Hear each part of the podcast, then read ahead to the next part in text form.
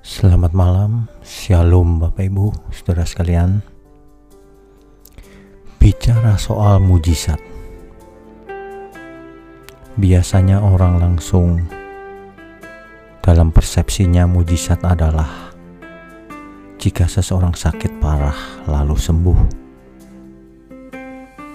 Jika lumpuh langsung berdiri, yang buta melihat bahkan yang mati bangkit.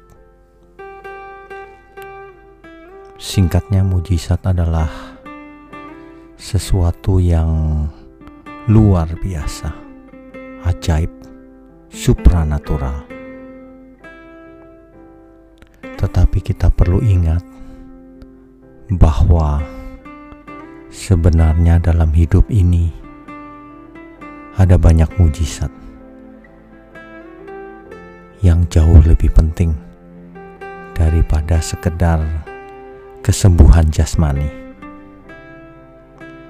Sebab kalau hanya sembuh jasmaninya, tetapi jiwanya masih sakit, untuk apa semua itu? Itulah sebabnya janganlah kita berpusat pada mujizat biasa-biasa saja saya sebut itu mujizat biasa. Sebab ada mujizat yang paling penting, yang paling besar dalam hidup kita. Jika kita boleh hidup, mendengar firman, diberi kesempatan untuk menjadi anak Allah, inilah sebenarnya mujizat yang jauh lebih penting yaitu jika manusia lama kita mati dan kita bangkit dengan manusia baru. Bapak Ibu Saudara sekalian, janganlah kita fokus pada mujizat yang sifatnya harafiah atau fisik. Justru yang Tuhan harapkan adalah terjadinya mujizat dalam hidup kita manusia yang dulunya tidak mengasihi Tuhan, yang bandel, merasa hebat, mau menang sendiri, dan sebagainya, bisa berubah menjadi anak-anak Allah. Itulah mujizat yang harus kita kejar, sebab mujizat itulah yang akan menyelamatkan kita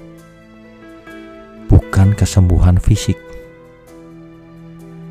Orang yang mengalami kesembuhan fisik itu belum tentu selamat. Orang yang mengalami mujizat dari buta melihat belum tentu selamat. Ia hanya sembuh dari penyakitnya. Ia hanya sembuh dari cacat tubuhnya. Tetapi keselamatan jauh lebih besar dari itu, yaitu jika hidup kita berkenan bagi Tuhan.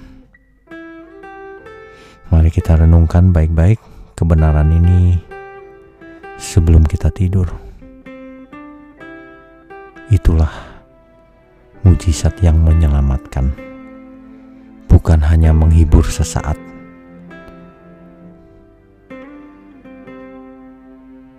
malam saudara.